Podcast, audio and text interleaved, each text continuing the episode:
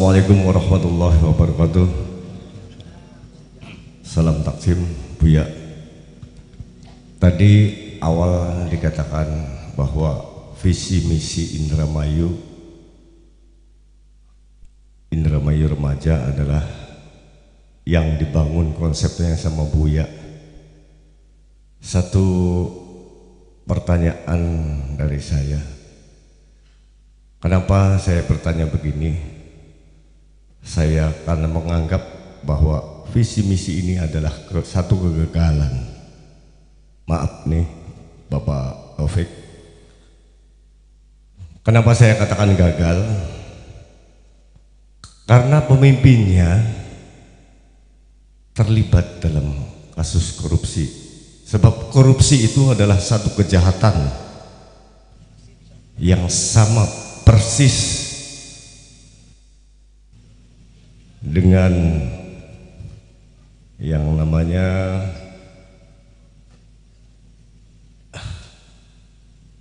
ya pokoknya satu kejahatan yang luar biasa hmm. ini visi misi Indramayu remaja hmm. religius hmm.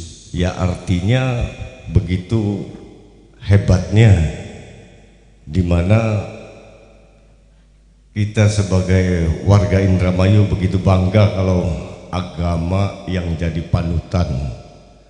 Tapi kenyataan yang berjalan. Maaf nih Pak. Teroris dengan korupsi itu sama. Korbannya masal maaf. Jadi saya anggap gagal. Kenapa? Karena tadi pemimpin kita terkena kasus yang sama. Selama dua kali Bupati Indramayu. Barangkali pertanyaan coba itu. Terima kasih. Bila itu walidayah. Wassalamualaikum warahmatullahi wabarakatuh. Waalaikumsalam warahmatullahi wabarakatuh. uh, saya tidak membantah bahwa ketika Anda menilai satu kegagalan itu adalah hak Anda untuk menilai. Yang mengatakan berhasil juga hak dia untuk menilai.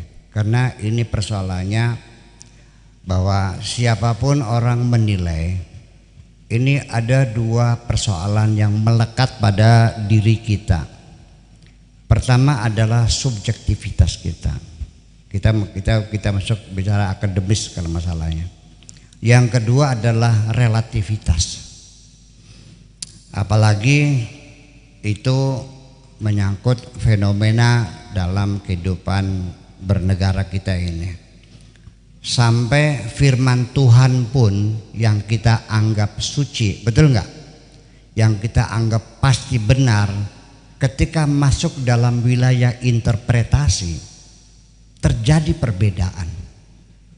Jadi kalau ada orang mengatakan remaja berhasil, oke. Okay. Ini gagal, oke. Okay. Namanya penilaian. Nah, dua hal yang saya maksudkan subjektivitas dan relativitas itu tidak bisa dihindari. Seorang perempuan yang lewat di sini. Ini ada tiga orang nih, ada Pak Camat, ada Pak Bupati, ada Pak Kakak Menang. Eh dulu makan depak gue ya. Atau sudah kakak pernah? Masih kan, kan depak ya? Masih kan depak. Oke, lewat. Egal, legal, legal, legal lewat. Oke. Saya nanya. Pak Camat gimana? Sedang lah. Pak Opek gimana? Ya, tinimbang di sepak kejaran lah. Kata Pak Mahfud mana? Lah jelek. Ya kan? Ada lagi. Wah cantik sekali. Ini kita tidak boleh menyalahkan. Gimana sih kamu mata bilu? Orang segini cantiknya kok jelek? Entar dulu. Entar dulu. Ini subjektivitas persoalannya. Ya, jadi Anda boleh mengatakan gagal. Saya hormati karena subjektivitas Anda kan begitu. Eh, segitu cantiknya, lihat hidungnya mancung, lihat bokongnya, lihat buah dadanya. Iya, jangan ini subjektivitas. Kenapa? Yang mengatakan, yang mengatakan cantik sekali itu Pak Mahfud. Dia, dia itu jadi lama tinggal di Kongo, lama tinggal di Kongo, di Kongo, di Tanzania di sana tinggalnya ya kita maklum ya udah cantik sekali betul enggak Mbak Opik ya karena Bupati Indramayu ya biasa ketemu masyarakat ya sedang lah semua nama. Betul enggak betul enggak yang bilang jelek sekali itu saya yang disalahkan. Karena saya lama di Perancis lama di Inggris pun ini mah. Jadi dari mana kita menilai itu adalah metode komparatif dengan apa kita membandingkannya? Di situlah penilaian. Betul nggak? Buah mangga cuma satu. Bagus atau jelek? Yang nggak bisa. Mesti dibandingkan dengan mangga yang lain. Itu persoalannya. Jadi dibandingkan dengan mana? Kan begitu persoalannya. Itu satu persoalannya. Kemudian itu subjektivitas. Relativitas juga sendiri. Sampai sekarang tidak ada kesepakatan rumusan kecantikan seperti apa bisa saja ada semua ada seribu orang semuanya disebut cantik. Betul nggak? Untuk memilih ratu kecantikan Miss Universe ada kaidahnya triple triple B beauty, behavior dan brain semuanya. Ini ada kaidahnya. Semuanya ada silabusnya semuanya. Tapi kenapa saya melihat Miss Universe ke orangnya hitam mulutnya lebar? Pada picekap itu wong kan gitu. Ya kan?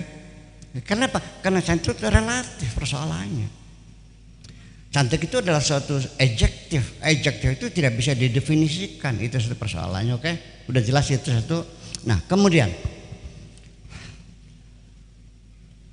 Dari mana anda melihat bagaimanapun saya harus menghormati orang yang berpendapat lain supaya tidak ber, bertengkar yaitu saya yang mengalah saya ingin melihat sudut pandang Anda dari mana. Betul enggak dan kemudian saya melihat apa argumentasi yang Anda bangun.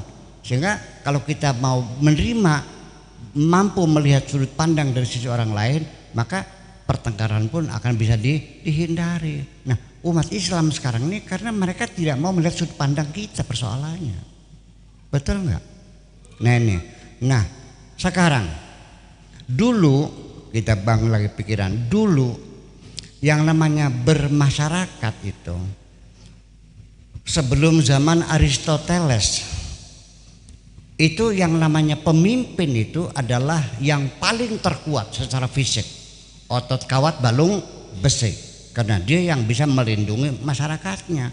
Orang yang yang peyot kalau saya nggak bakal bisa ya kan ya paling yang besar tinggi badannya rosa kayak Pak Opik pernah gitu.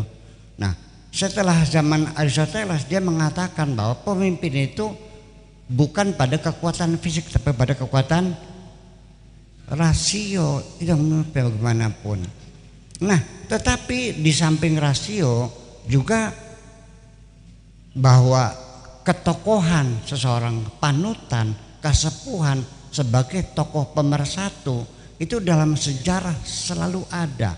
Di mana di masyarakat dulu kalau nggak ada tokohnya bertengkar betul nggak? Di satu desa saja kalau masih ada kesepuhannya, ada orang tuanya yang kan gitu, itu nggak ada pertengkaran. Begitu meninggal dunia dan sudah eh, setara gitu akan terjadi banyak pertengkaran. Ini ketokohan di dalam ber, bermasyarakat diperlukan ini masyarakat tradisional, tapi di masyarakat yang modern sekarang ini perlu dipahami ya eh, bahwa ketokohan itu sudah tidak terlalu berfungsi sekali dalam membangun masyarakat ini. Di abad modern kita tidak terpaku kepada ketokohan seorang, tapi kepada sistem yang kita sepakati. Paham nggak? Toko berganti silakan urusan, tapi sistem yang kita bangun itu yang kita hormati. Jadi kita ini dari dari dari mujarrodat kepada musakhasat, daripada ketokohan fisik itu kita kepada sistem. Bahwa di negara yang sudah maju seperti di Italia per enam bulan sekali perdana menteri diganti tapi tidak goyang sama sekali. Tetap mereka mengejar program pembangunan tidak pernah tergeser. Macam itu ya kan begitu jadi artinya bahwa yang penting visi dan misi ada dan itu sekarang GBHN menjadi persoalan lagi kan begitu mau dibawa ke mana jadi kalau seandainya ini gagal ya sudah Indramayu ke depan tidak usah pakai visi dan misi. Jadi apakah ini kegagalan visi atau kegagalan yang mengemban visi persoalannya dibedakan dong. Betul nggak?